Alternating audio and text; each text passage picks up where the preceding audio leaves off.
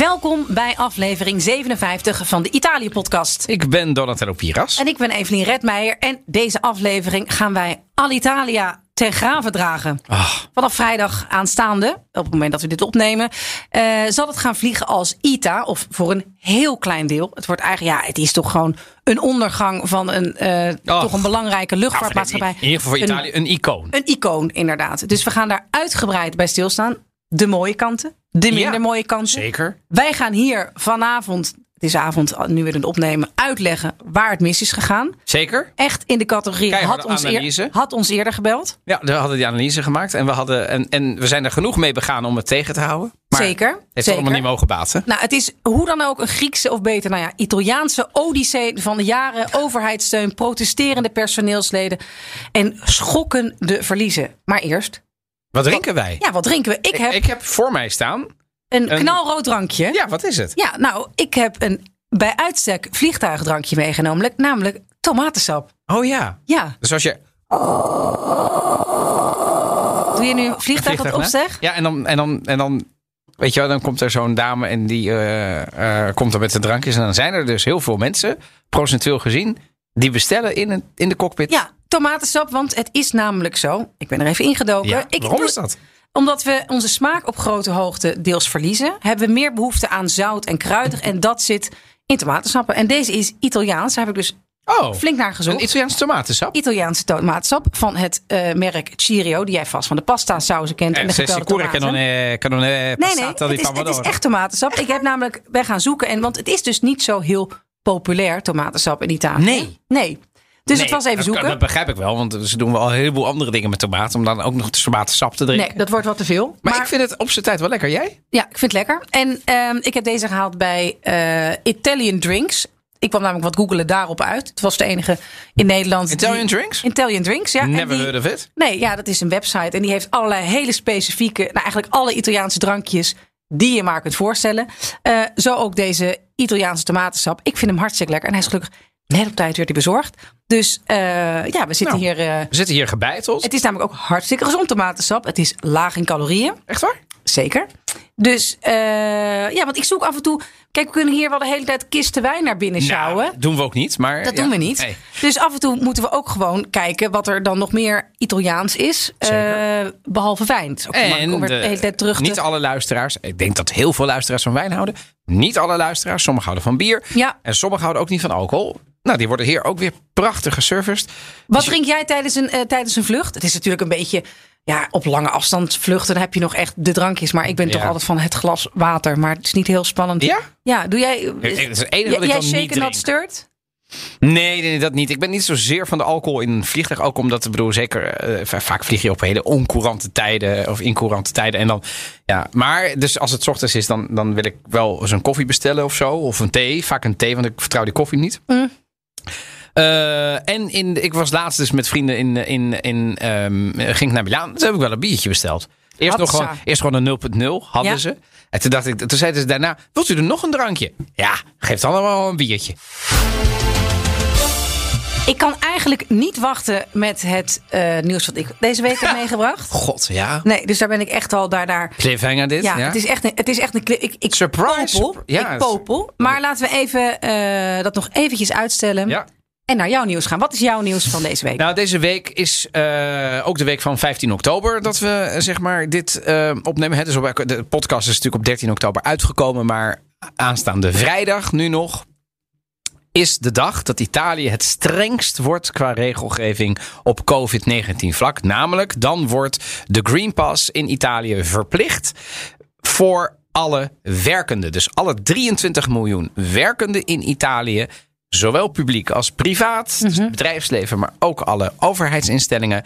Ja, die moeten, zoals bij decreet vastgesteld door de regering Draghi, een, ehm, een, een Green Pass laten zien. Nou, daar hebben we er al eerder over gehad. Hè, dat het betekent dat je niet ontslagen kunt worden. Dus het zit niet wettelijk verankerd. En het betekent dus niet een, een plicht. Want ehm, dat maar kan wel dus niet. op non-actief gesteld Precies. zonder uitbetaling van Ja, salaris. Zoals Dus ja. dus de, de potato potato zou je zeggen. Maar jij, jij bent advocaat geweest. Ja. Hier komen ze mee weg. Want- Ja, hier komen ze mee dus weg, ja. dat is wat de landsadvocaat waarschijnlijk heeft gezegd in Italië. Doe het zo, dan kan het. Moet van tijdelijke aard zijn. Eh, Wilders zou zeggen, dit is drang. Ja, maar dat is het toch ook wel? Dat is het zeker. Ja. Dat is het zeker. Dwang, het, is, drang, het, is, ja. het is het zeker.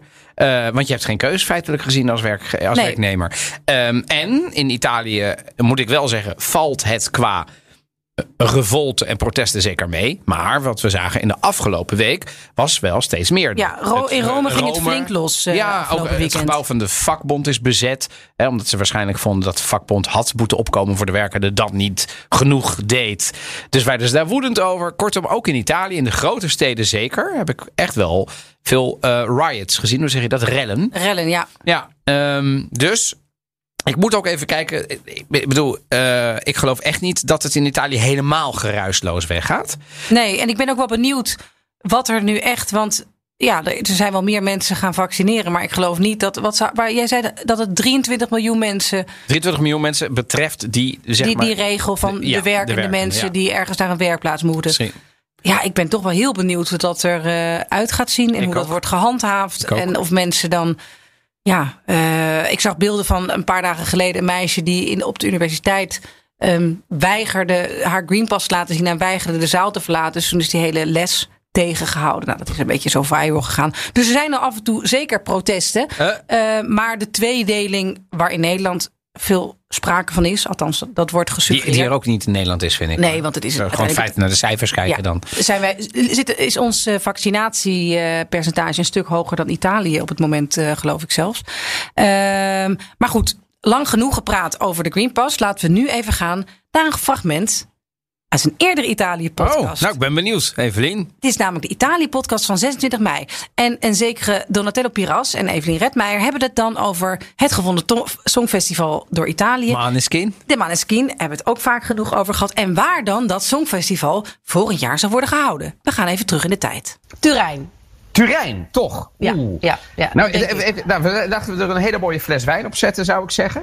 Ehm, en tot slot, ehm mochten Ja. de luisteraars zich afvragen hoe spreken... e Buoni is natuurlijk het nummer van Manes. Ja, je, je praat er hier een beetje overheen hoe je dan een bepaald nummer uitspreekt. Maar je hoort mij toch duidelijk zeggen. Wil je het nog even horen? Nee, nee, nee. Nou nee. ja. Ik, ja. Turijn. ja, dat is zeker. Ik weet niet wat daarvoor is gezegd. Nee, ja, jij, roep, jij, jij komt niet ter zake. Jij komt gewoon niet ter zake van met, met een stad. Omdat ik het waarschijnlijk niet wist. Maar oké, ik, bedoel, bent- ik heb duidelijk gehoord. Ik zei, laten we dan een goede fles wijn erop zetten. Ja, maar goed, dat hoeft niet. Het mag ook een medium fles wijn. Of het mag gewoon eh, erkennen dat ik eh, dit toch eh, ja. Ja. goed gespeeld heb. Ik heb het ook op eh, Twitter. heb, ik, Ik zag het. heb ik namelijk ook bij Paulien Valkenet. Zo makkelijk. ehm, Ja. De correspondent van BNR overigens. Zeker. Ehm, die vroeg toen van, goh, wat denk je, waar, waar denken we dat het wordt gehouden? Toen zei jij wel Turijn. Turijn, hè? ja. Ik weet niet waarom. Ik, ja, toch, ik denk nu niet dat ik gaves heb. Nee, hè? Maar het zou toch Vind je kunnen. iets van Turijn? Ik sluit het niet uit. Nou, wat ik denk, ik dacht, ik denk dat Milaan al genoeg aandacht heeft. Het Turijn heeft wel. Je heeft de Olympische Spelen binnengehaald. Ja, die, die- die- die- dat, is, dat is een stad die goed.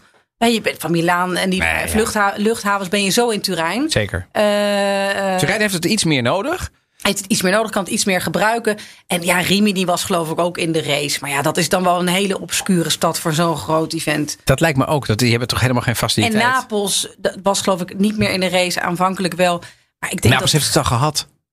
Maar mee. Het Songfestival? Het heeft het Songfestival al gehost. Ja? Twee, eh, één keer- het is twee keer eerder in Italië geweest. Eén keer in Rome, één keer in eh, Napels. Dus die zouden, de- ik denk dat, dus, dus Noorden zou... Bologna zou- was ook nog Dat een optie snapte ik nog wel. Die hebben nog wel, maar Rimini. Hoeveel hoe mooi ik de provincie vind. Het. Ik ben getrouwd in de provincia de Rimini. Dus ik heb daar wel iets mee. Maar nee, dat kan niet. Maar ik, ben- ik ben hartstikke voor Turijn. Maar goed, voor de draad ermee dan. Nee, echt? Heb je dat nu al gewoon... eh, Och. En aangezien we naar Piemonte gaan, naar Torino. Oh, jezus. Dit is gewoon een- Barolo uit 2017. Ja, uiteraard. Jeetje. Ik zei een goede fles wijn. Ik voel me nu ook echt een beetje een, eh, een eikel dat ik dit heel erg heb uitgedragen. En dat ik je nu... eh, Dat, dat je nu, dat, dat, dat je Ja, nu krijgt wat je wil. dat je Nou. nu tweede hypotheek op je huis hebt genomen voor deze fles wijn. Ik, ik zou zeggen, geniet ervan. Ja, En plaats, als je hem drinkt, eventjes een foto op de Insta's. Dat we weten dat hij goed terecht is gekomen. zeker. En wij gaan er alles aan doen. En dan zeg ik ook echt alles. Om daar naartoe te gaan. Om naar Turijn te gaan. Zeker. Ja.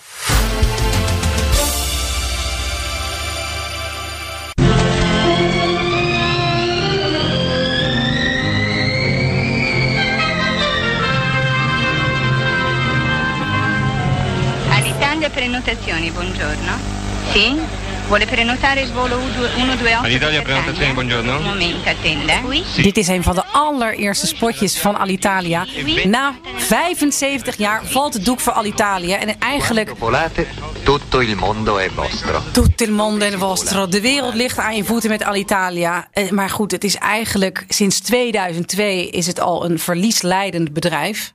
Ja, Een ontzettend eh, verliesleidend bedrijf. zeker. Eh, ja, we gaan het vandaag hebben over waar het eigenlijk mis is gegaan. Eh, wat, wat, wat de mankementen waren van, van Alitalia. Waar het, het de boot heeft gemist. In vergelijking met andere grote vliegtuigmaatschappijen.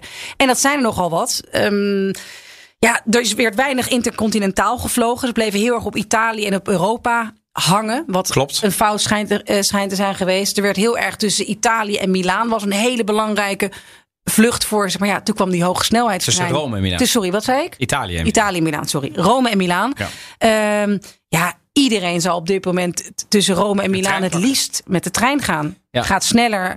Ehm, Ja, je bent midden in de stad. deur, want ja, je, het hele in- en uitchecken is natuurlijk een stuk efficiënt. het, is, het is een stuk prettiger. En, en Ze zijn er gewoon ingehaald daar door de, door de, door de, door de techniek en door de, ehm, door de ontwikkeling. Maar de- de- je- de- de- dat eerste wat jij zei is, is best wel tragisch. Ja. hè? Want eh, wat zij hebben gedaan in de. eh, in- eigenlijk had Alitalia een van de grootste vloten van eh, Europa. Ja. Dat is een grote luchtvaartmaatschappij.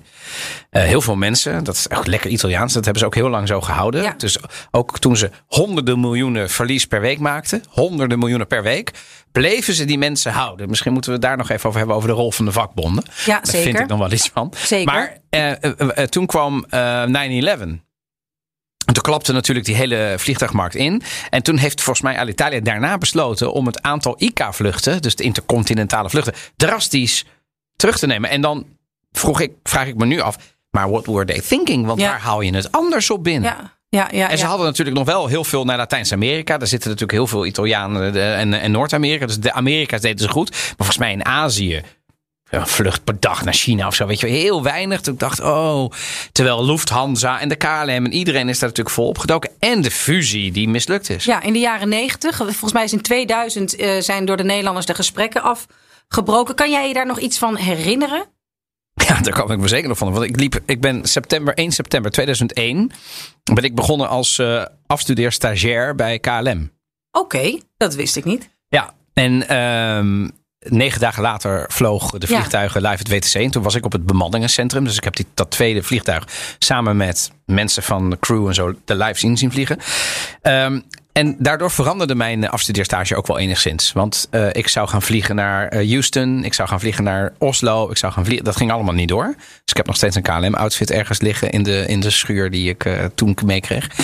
Maar wat ik toen wel had, was wel ietsje meer tijd. Want ik, mocht, ik, ik moest echt al, bijna alles op kantoor doen. En toen ben ik de, letterlijk de mappen in de kasten gaan induiken. Waaronder die van de fusie met KLM en Alitalia. Wauw. De eh, vergaderstukken. En ik liep stage bij de dienst cabinepersoneel. Wat nu In-Flight Services heet bij KLM. En daar, daar eh, waren allerlei verslagen en zo. En daar loog het ook niet om. Dat is, het heeft niet altijd geboterd. Ook in die afstemmingsoverleggen tussen de Italianen. Eh, vaak bellen. Ita- Nederlanders heel verontwaardigd en boos dat dat vaak gebeurde. Italianen liepen gewoon weg en die gingen dan even bellen.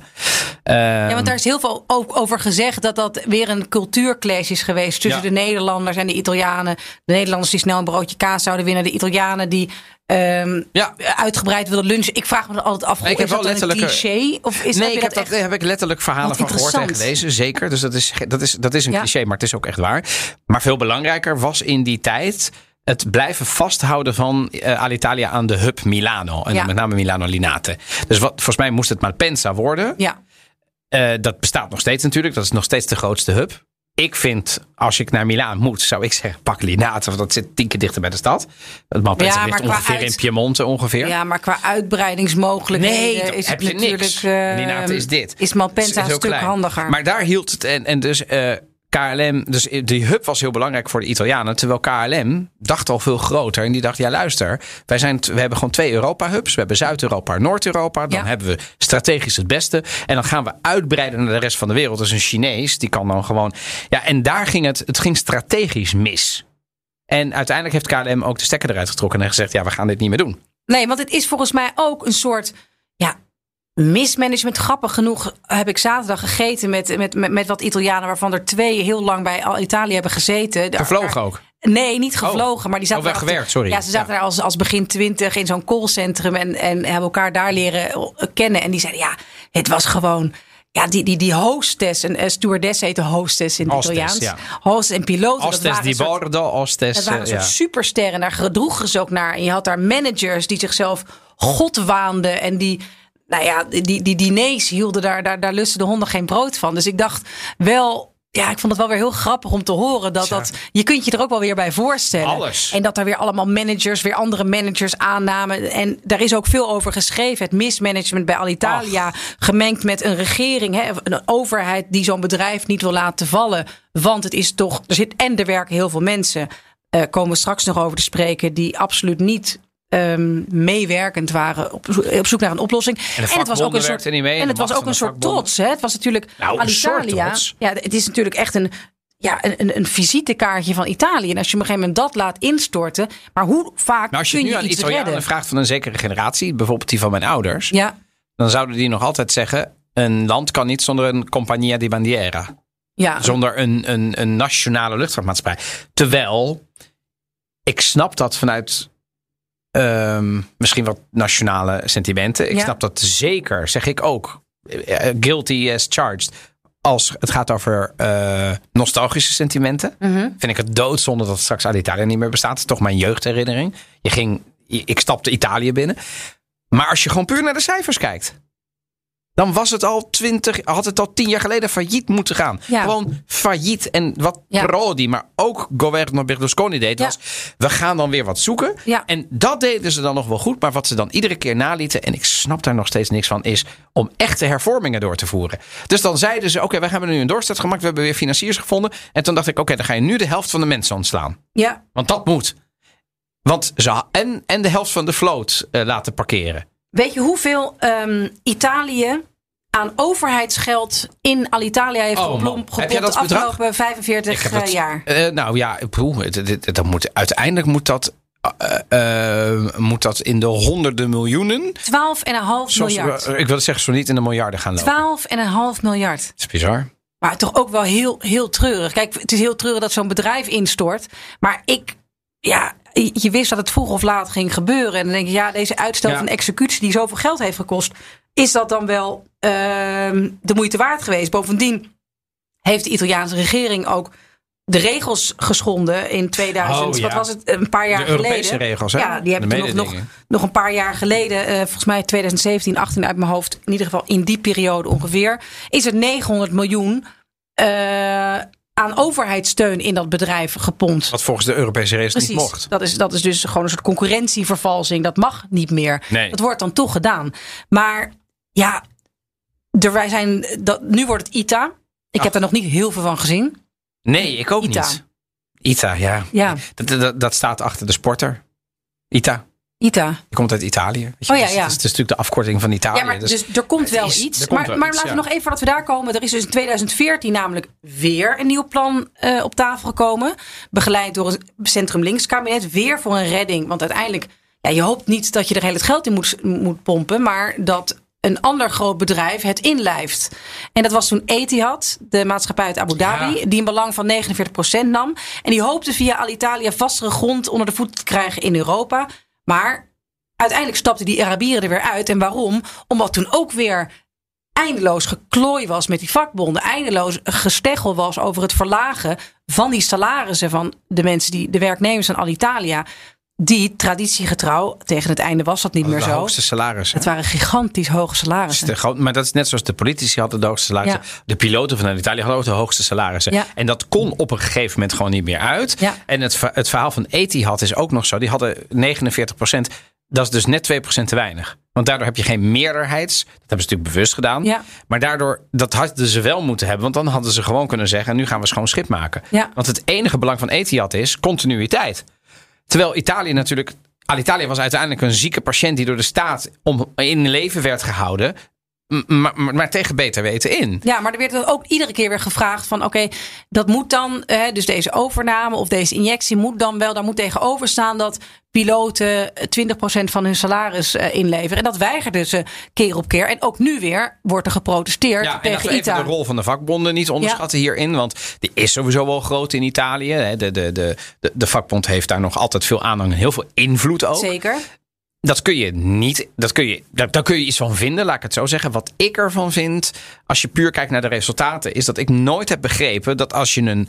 Dan hadden ze een, een, een plan klaar liggen. Hè? Dus ik noem maar wat met Etihad, met een ander hadden ze gezegd: oké, dan gaan we het zo doen. Dat betekent dan moeten inleveren. En dan ging die vakbond er natuurlijk voor liggen. Want ja, het kost arbeidsbanen. Dan zijn we nou helemaal gek geworden. Heel veel families in Italië liggen hier wakker van de korte termijnvisie van zo'n vakbond is stuitend. Want door dat in stand te houden, zijn Ja. ze nu failliet, Klopt. definitief. En heb, zit, zit, wat volgens mij, dat ITA, dat maakt een doorstart met maar 25% van het personeel, toch? Van de 20.000 personeelsleden blijven er een, eh, nu 1500 over. Ongelooflijk. En dat worden er hopelijk 5 tot 6000 in 2022. Maar goed, dat is dus eigenlijk.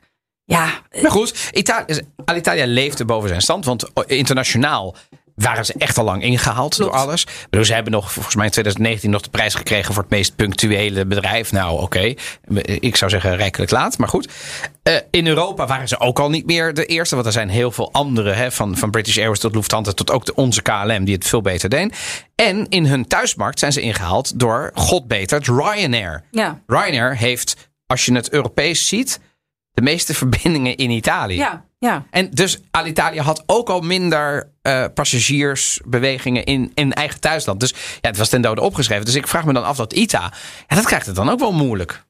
Of, Ja, of ik, ik weet niet wat ze, eh, Ja. hoe zij dan kiezen, wie ze, wie ze dan willen behouden. Wat mij altijd opviel als ik met Alitalia vloog, dat, dat, dat die stewardessen, eh, ja, dat dat allemaal best wel oudere mensen waren. En een beetje nou, die zijn niet goedkoop. kids. En nee, precies. Dus dit was niet. Hij klinkt ook een beetje badinerend, zo bedoel ik het niet. Nee, hè? ik, bedoel, maar ik, ik, ik bedoel het ook niet badinerend of beledigend dat, dat ze oud waren. Maar dat die ja, mensen je hebben natuurlijk wel. ook families. Natuurlijk. En die- maar die hebben natuurlijk je begrijpt wel dat Ja.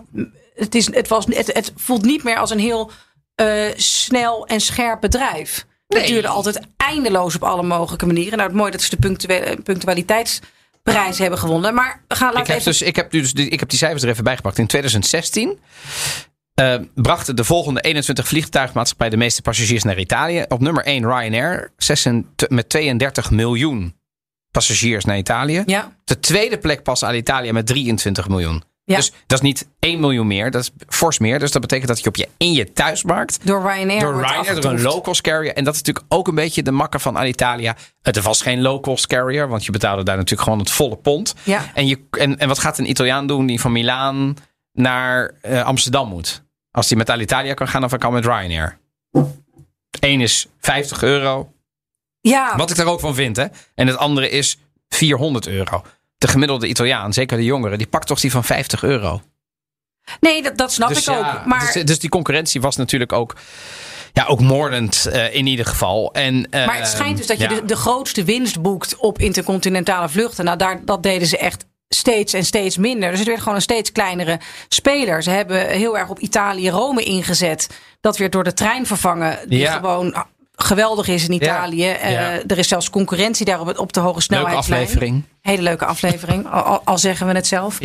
Ehm, maar ja, 14 oktober gaat ze dus haar allerlaatste vlucht uitvoeren. bizar. En het is nu ook, ik, we gingen net even toen we hier zaten te eten in de app kijken. Ja, die app doet het nog wel, maar er zijn helemaal geen vluchten meer. En er zijn ja, wel vluchten, geloof ik. Ik zag gisteren wat op Twitter dat er wat vertragingen zijn. En dat Ja. er dus wel wat overlast te verwachten is. Maar ja, ik ben heel benieuwd hoe dat, er, eh, hoe dat eruit gaat zien. En zeker wat we van het personeel kunnen verwachten.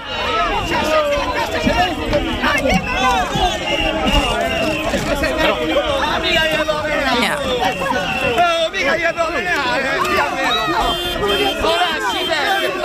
Gezellig. Nou ja, het, Het lijkt wel een film van eh, Fellini, joh. ja, Wat dit? nou ja, het, het, het is dus gewoon, ze grepen ze, zeggen ze niet gewonnen.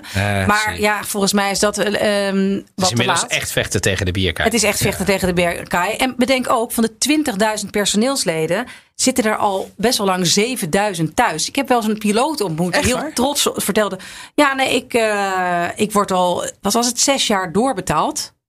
En inmiddels mocht hij ook niet meer vliegen als piloot, want hij vloog niet meer. En je moet wel eens in de zoveel tijd Hij vliegen. stond dus wel op de ja, loonlijst. dus hij krijgt gewoon uitbetaling van salaris of 80% daarvan. Daar gaat het dus mis, mensen. Ja, daar gaat het, dus- daar gaat het Ja? dus niet, daar Nee, gaat het dat dus niet helemaal. niet. Nee. Dat, dat kan dus niet hele, helemaal. Maar het is dus gewoon niet, genoeg, niet goed genoeg bewegen. Dit is gewoon het klassieke Kodak-verhaal, dit.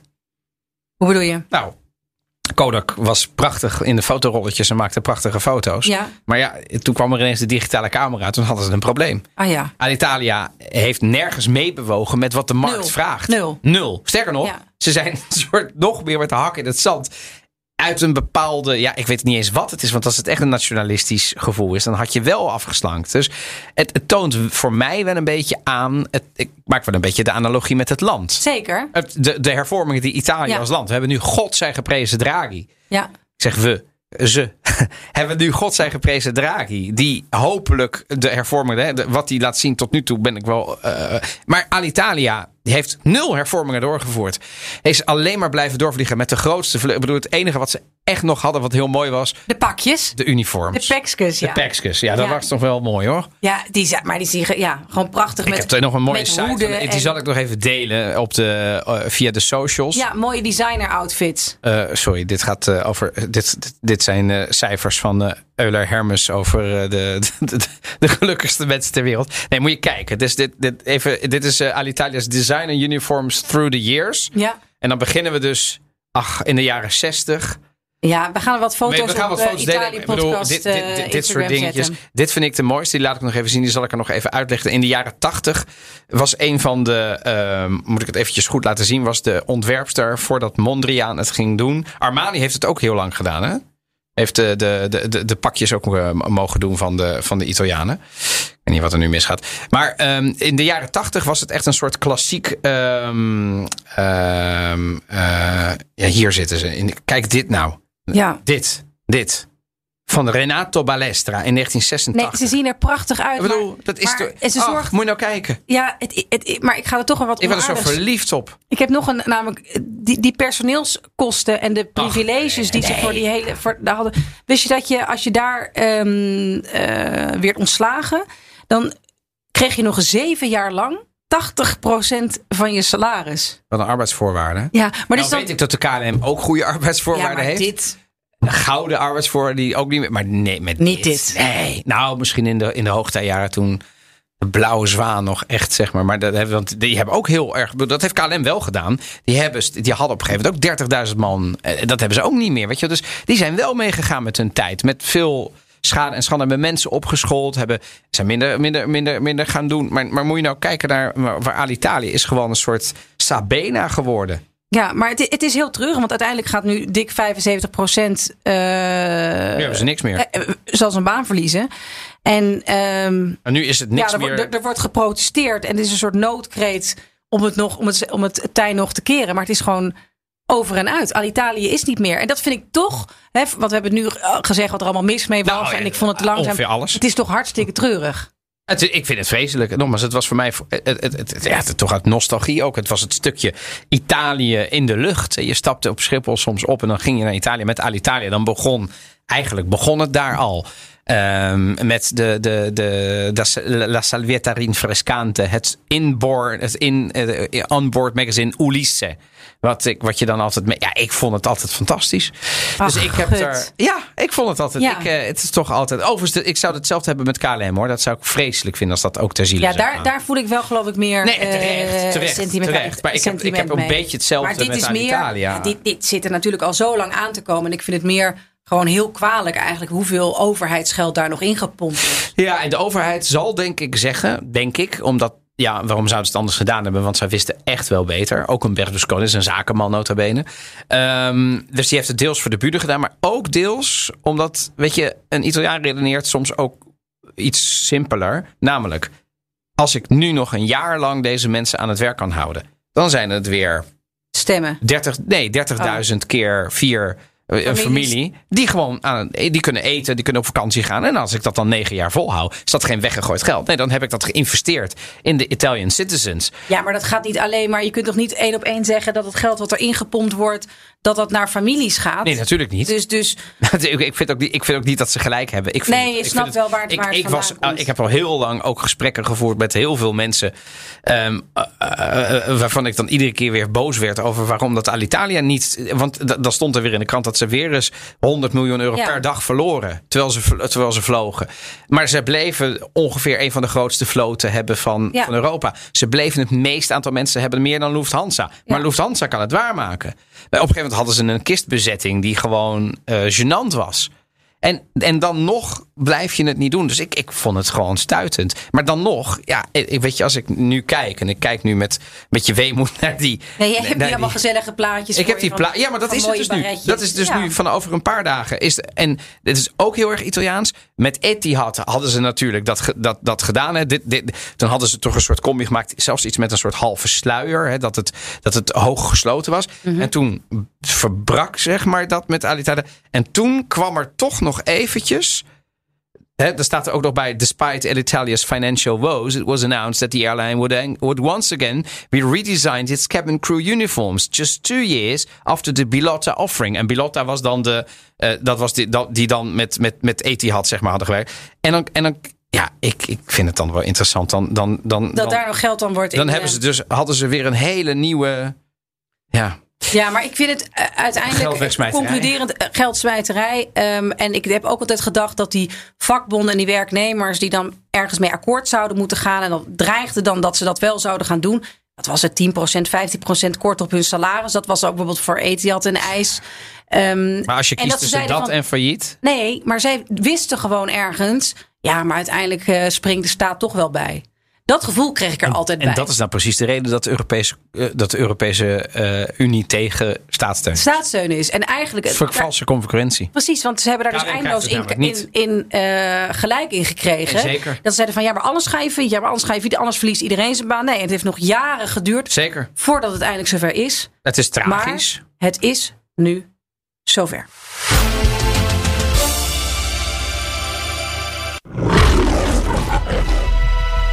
Bond, any thug can kill. I have to know I can trust you.